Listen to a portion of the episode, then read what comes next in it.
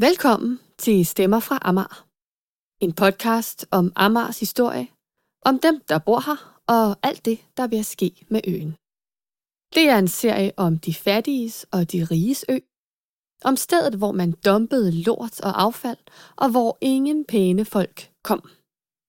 Men det er også en historie om et lys, der tiltrak kunstmalere. Om jødernes flugt til Sverige under 2. verdenskrig. Om nybyggerier i vildskab om et sammenhold, der til stadighed overrasker, og en følelse af at høre til.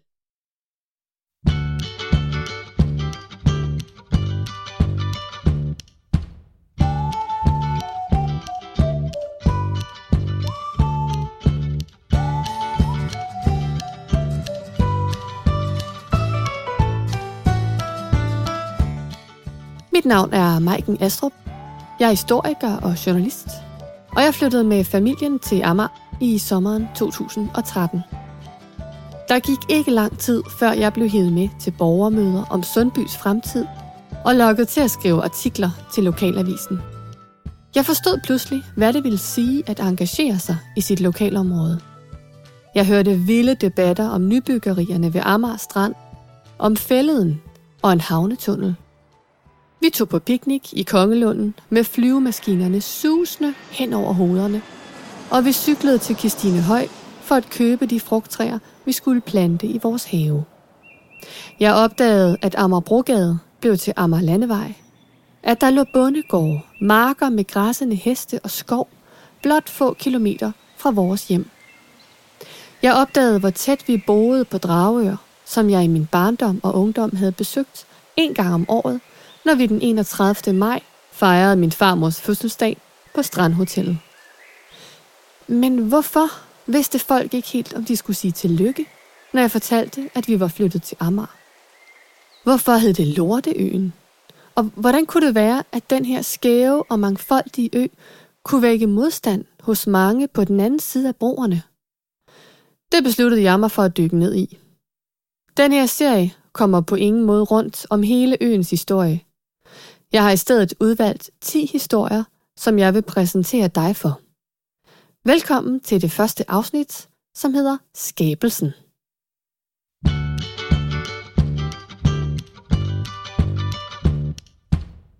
Amager er den tættest beboede ø i Danmark. Der er mere end 200.000 indbyggere fordelt på godt 100 kvadratkilometer. Set oppefra ligner Amager en dråbe eller en kæmpestor pære. Men sådan har øen ikke altid set ud. En stor del af Amager er et resultat af jordopfyldning, som startede under Christian den 4. i 1600-tallet.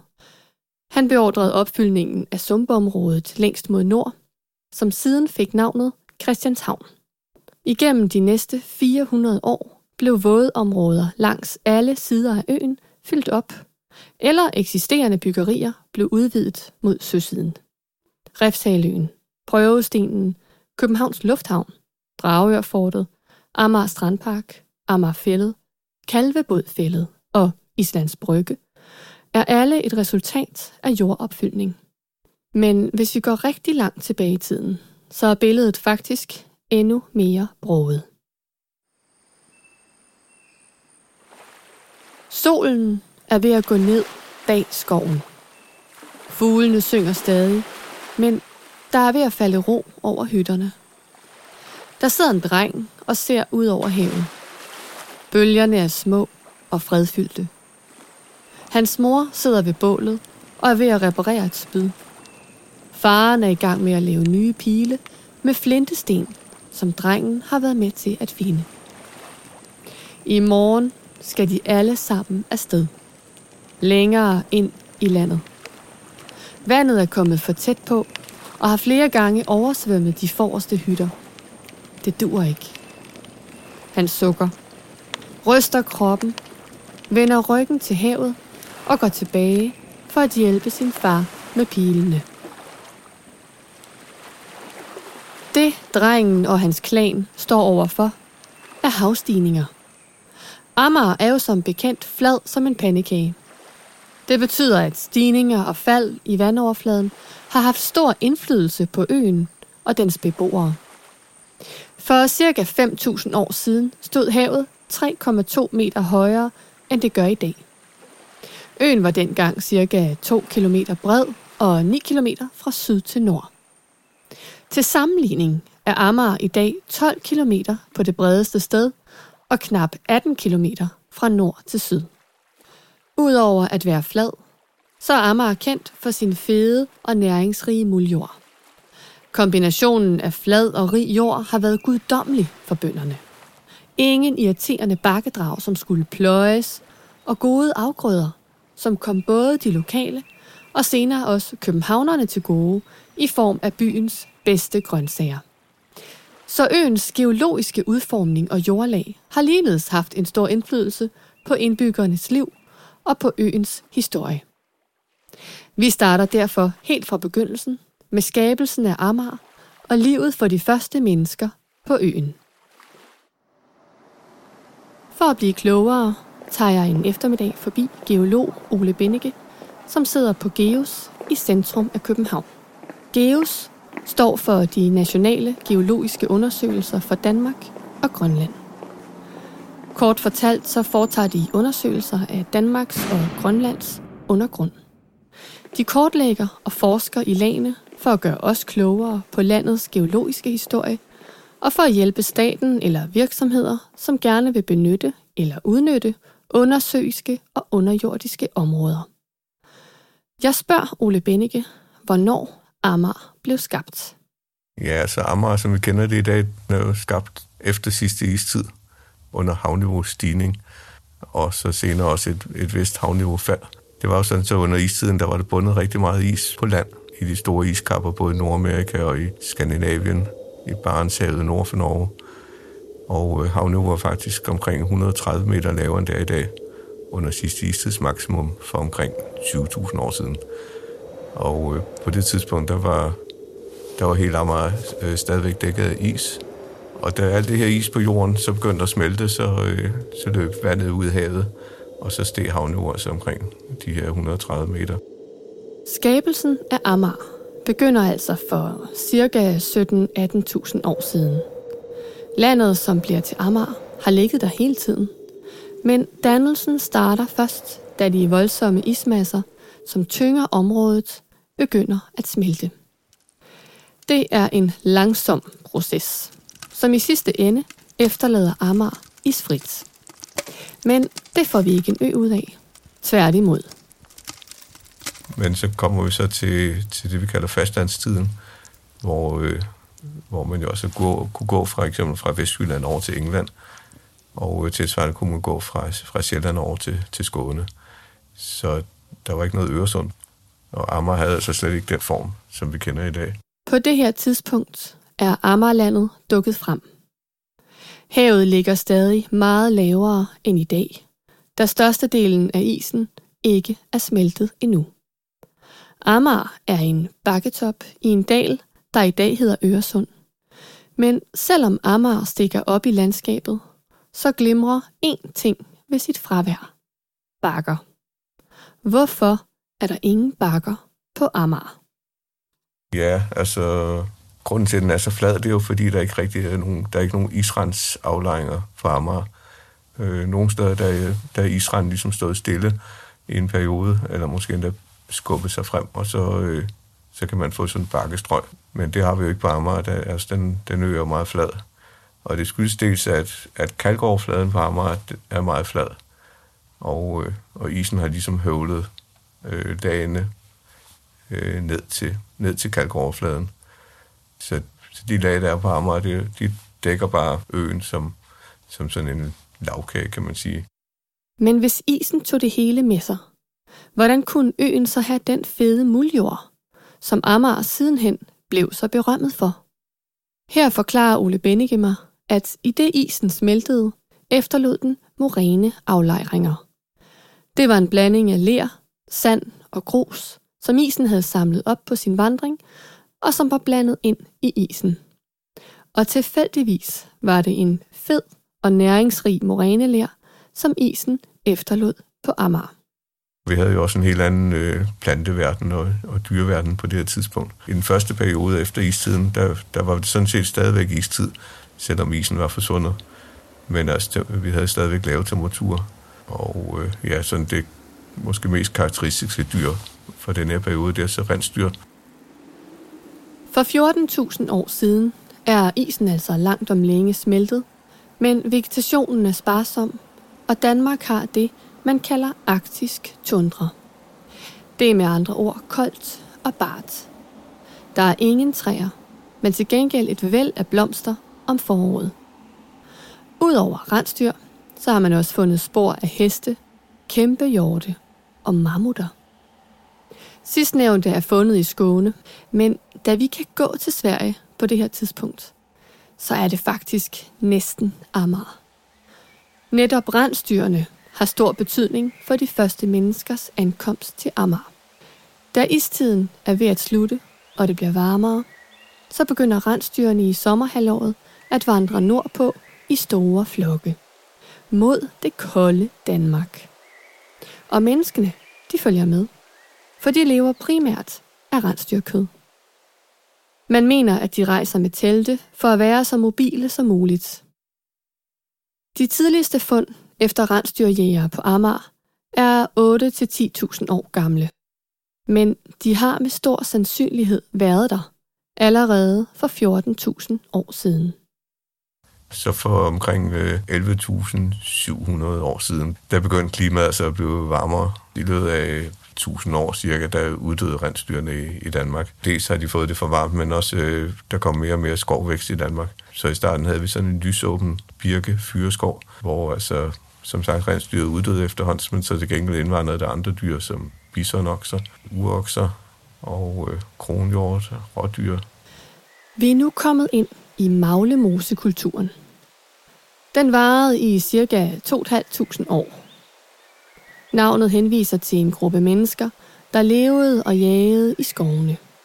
De flyttede rundt, alt efter årstid og jagtmuligheder, og samlede skovens frugter og bær. I løbet af perioden blev det markant varmere på Amager og i Danmark. Urskoven bredte sig, isen længere nordpå smeltede hurtigere og hurtigere, og smeltevandet fossede ud i havene, som gradvist steg. Samtidig var Amager og de omgivende landområder begyndt at hæve sig, efter i årtusinder at have været sammenpresset under kilometervis af tyk is. Lidt ligesom en sammenpresset svamp, der slippes. Så samtidig med, at havene begyndte at stige, så steg landet også. Men havene steg hurtigere. I starten af perioden er Østersøen en smeltevandssø, men med de her meget markante havstigninger, så trængte havet for ca. 8.000 år siden frem til Østersøen. Dels gennem Storebælt og senere gennem Øresund. Det ændrede fundamentalt på levevilkårene for menneskene i området omkring Amager. Indtil da havde de jagtet store og små dyr i skovene, hvor uroksen med sin markante størrelse var langt det vigtigste byttedyr. I det forandrede landskab var der langt mindre skov og store havområder med øer.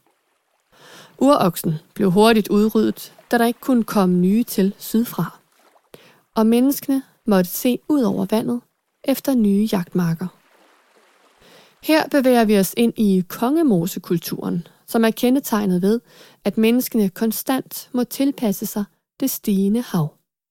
Vi er nu 8.400 år tilbage i tiden, og Amager er endelig blevet til en ø. Men hvordan boede de på Amager, og hvorhen? Hvad har man fundet efter de tidligste beboere på Amager? For at blive klogere på amagernes liv og gøremål i oldtiden, tog jeg en varm sommerdag forbi Peter Wang Petersen, som er arkeolog på Nationalmuseet. Han fortæller mig som det første, at langt de fleste bopladser lå langs med vandet. Hvorfor lå bopladserne primært ude ved stranden? Det gjorde de af, af, af trafikale grunde, men også fordi, at der har man ligesom overblik over, hvem der øh, kommer sejlende, og ikke bare øh, valer og sæler, men også venner og fjender. Vi er i en periode, hvor man altså ikke er øh, altid gode venner med naboerne. Altså befolkningen i den sene del af jægerstenalderen, de har haft deres territorier, hvor de fiskede og hvor de forsvarede deres øh, interesser, ligesom øh, senere i bundstenalderen. Og, øh, og så er det også derude, at der har været mest behageligt at opholde sig. Vi er jo her i jægerstenalderen i en periode med urskov i indlandet, og der har været rigtig mange myg.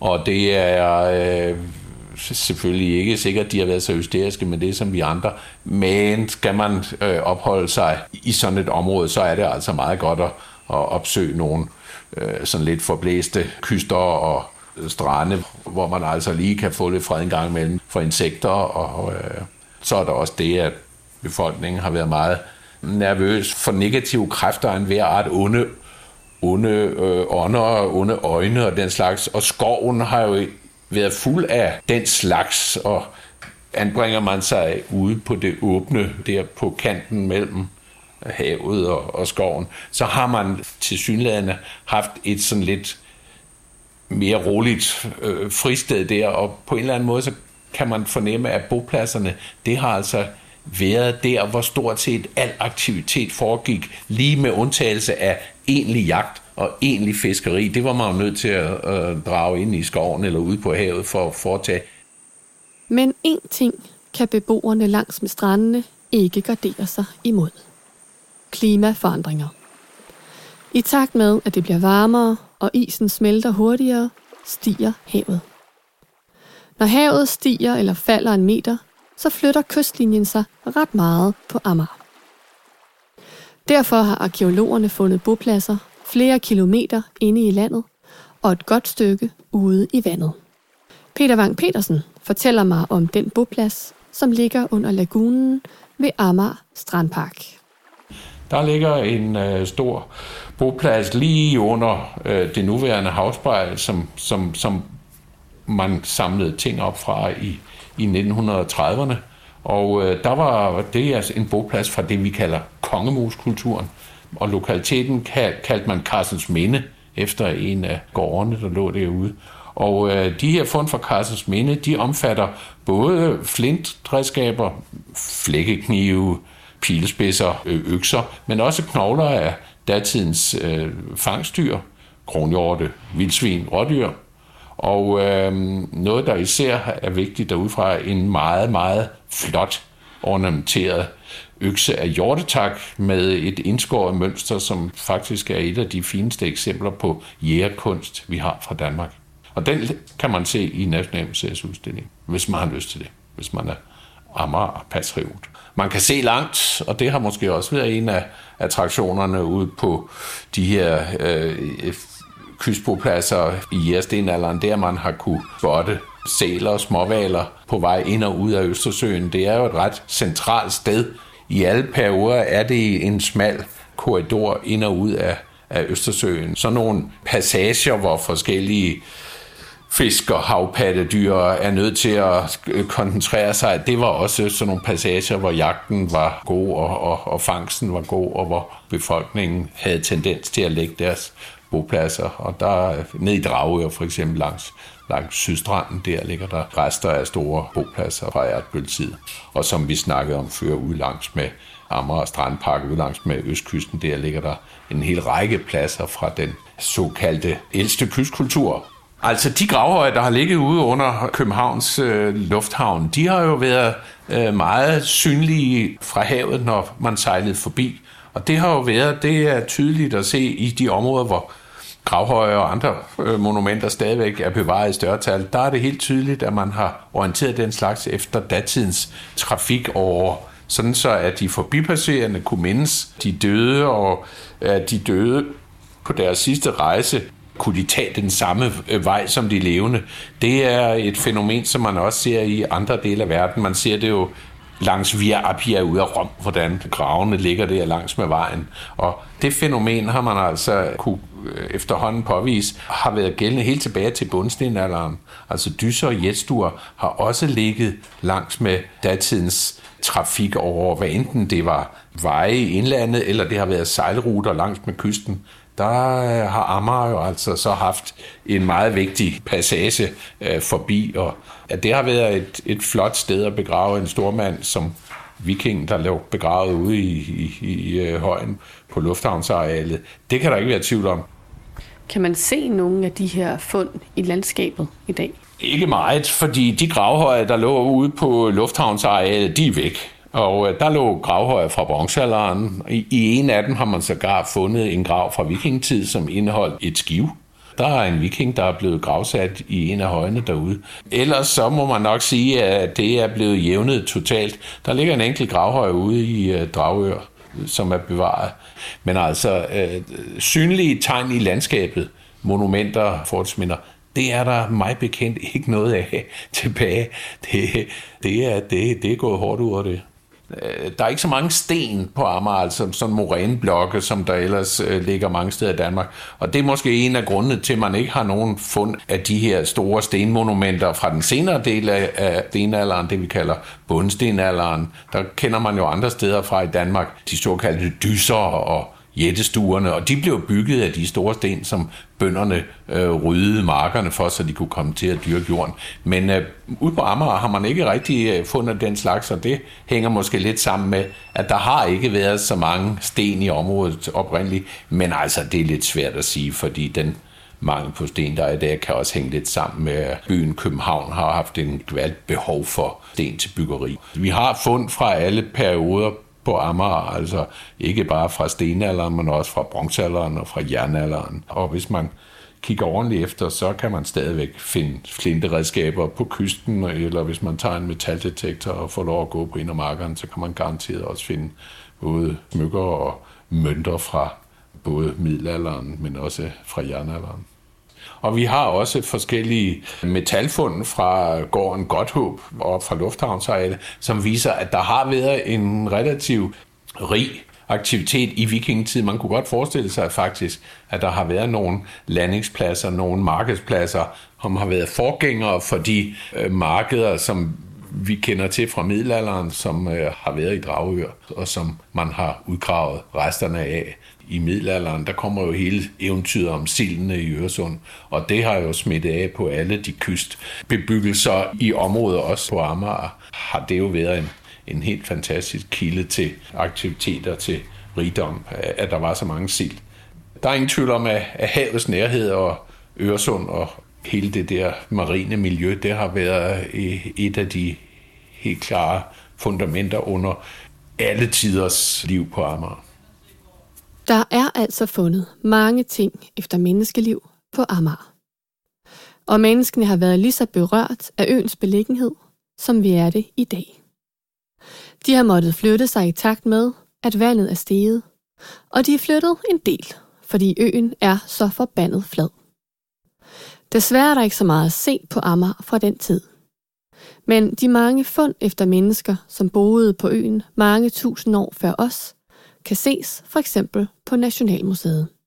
Amager er skabt af havet, af stigninger og fald i havniveauet. Havet giver, og havet tager, som man siger.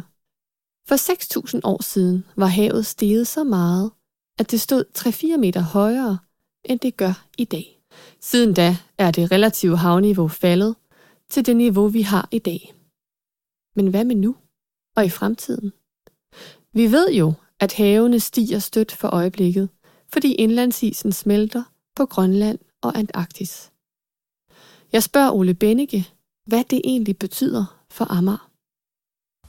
Jo, men det er klart, at i forbindelse med havniveaustigninger, der er Amager jo meget udsat, fordi øh, store dele af øen er så lavliggende, og så stiger havniveau for øjeblikket cirka 3 mm om året. Det er selvfølgelig ikke så meget. Altså 3 mm øh, på et år, det er så 30 mm på 10 år, det er altså 3 cm. Og selv på 100 år, der er det jo kun 30 cm, det er jo ikke så meget. Men problemet er jo det, at vi kan forvente, at den her stigningsrate, den vil accelerere, det vil gå hurtigere og hurtigere. Så hvor det er 3 mm om året, så er det måske lige pludselig 10 mm om året, eller måske endnu mere. Men så er det også det ved det, at øh, vi må forvente, at der kommer flere og flere storme og kraftige storme. Det har vi jo set de senere år. Altså Amager har jo været ramt og øh, også andre dele af Danmark. I november 1872 var der jo en rigtig, rigtig voldsom højvand ved Amager, og i hele taget i Sydøst Danmark, der var flere tusind folk, der døde der, og hundredvis af skibe, der forliste. Især på, på Lolland og, og Falster, det noget, som de husker stadigvæk, så at sige. Men altså også Amager blev, blev hårdt ramt dengang. Og der kommer så også, at vi også har haft tsunamier i Danmark, men det er jo noget, som vi har haft altid. og selvom man normalt siger, at det er ikke noget, vi normalt har i, det, i Atlanterhavet, så har der altså været rigtig store tsunami også i Atlanterhavet. Og det er også noget, vi må forvente, at det kan ske igen. Så hvis du skulle komme med en øh, prognose ud fra altså de stigninger, der sker nu, og den eventuelle acceleration, der måtte komme, hvor lang tid har Amager så igen, før det hele er dækket af vand? Ja, altså som det er nu, så vil man jo nok kunne øh, bygge sig ud af det, så at sige, ved, altså ved at bygge diger. Hvis vi ligesom fortsætter med at udlede lige så meget CO2, som vi gør nu, og, og ikke øh, sætte en stopper for det, så vil havnen jo nok stige, måske i hvert fald en meter i løbet af, det, af de næste 100 år. Og så vil store dele af Amager jo være under vand, hvis man ikke gør noget. Ja, altså i løbet af et par hundrede år, der vil havnen jo kunne stige endnu et par meter. Og så er vi jo ved at være derhen, hvor man ikke bare kan klare det ved at, ved at bygge nogle diger. Så ender det måske med, at vi må fraflytte mange af de lavliggende områder i Danmark og ja, bosætte os andre steder. Jeg vidste det nok godt. Men det er alligevel en ubehagelig sandhed. Planlægningen af diger er allerede i fuld gang. Dragør arbejder intenst på at udvikle en digeplan for at bevare og beskytte den gamle fiskerby.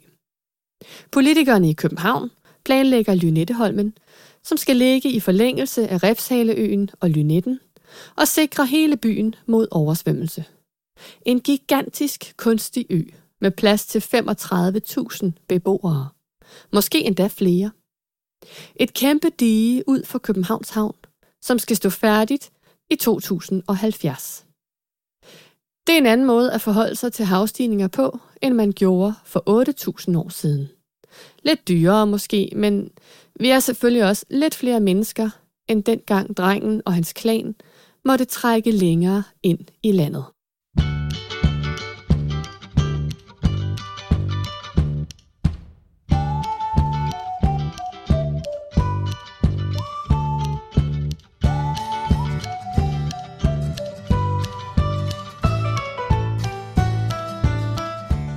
Håber, du har nyt historien og fået lyst til at høre mere.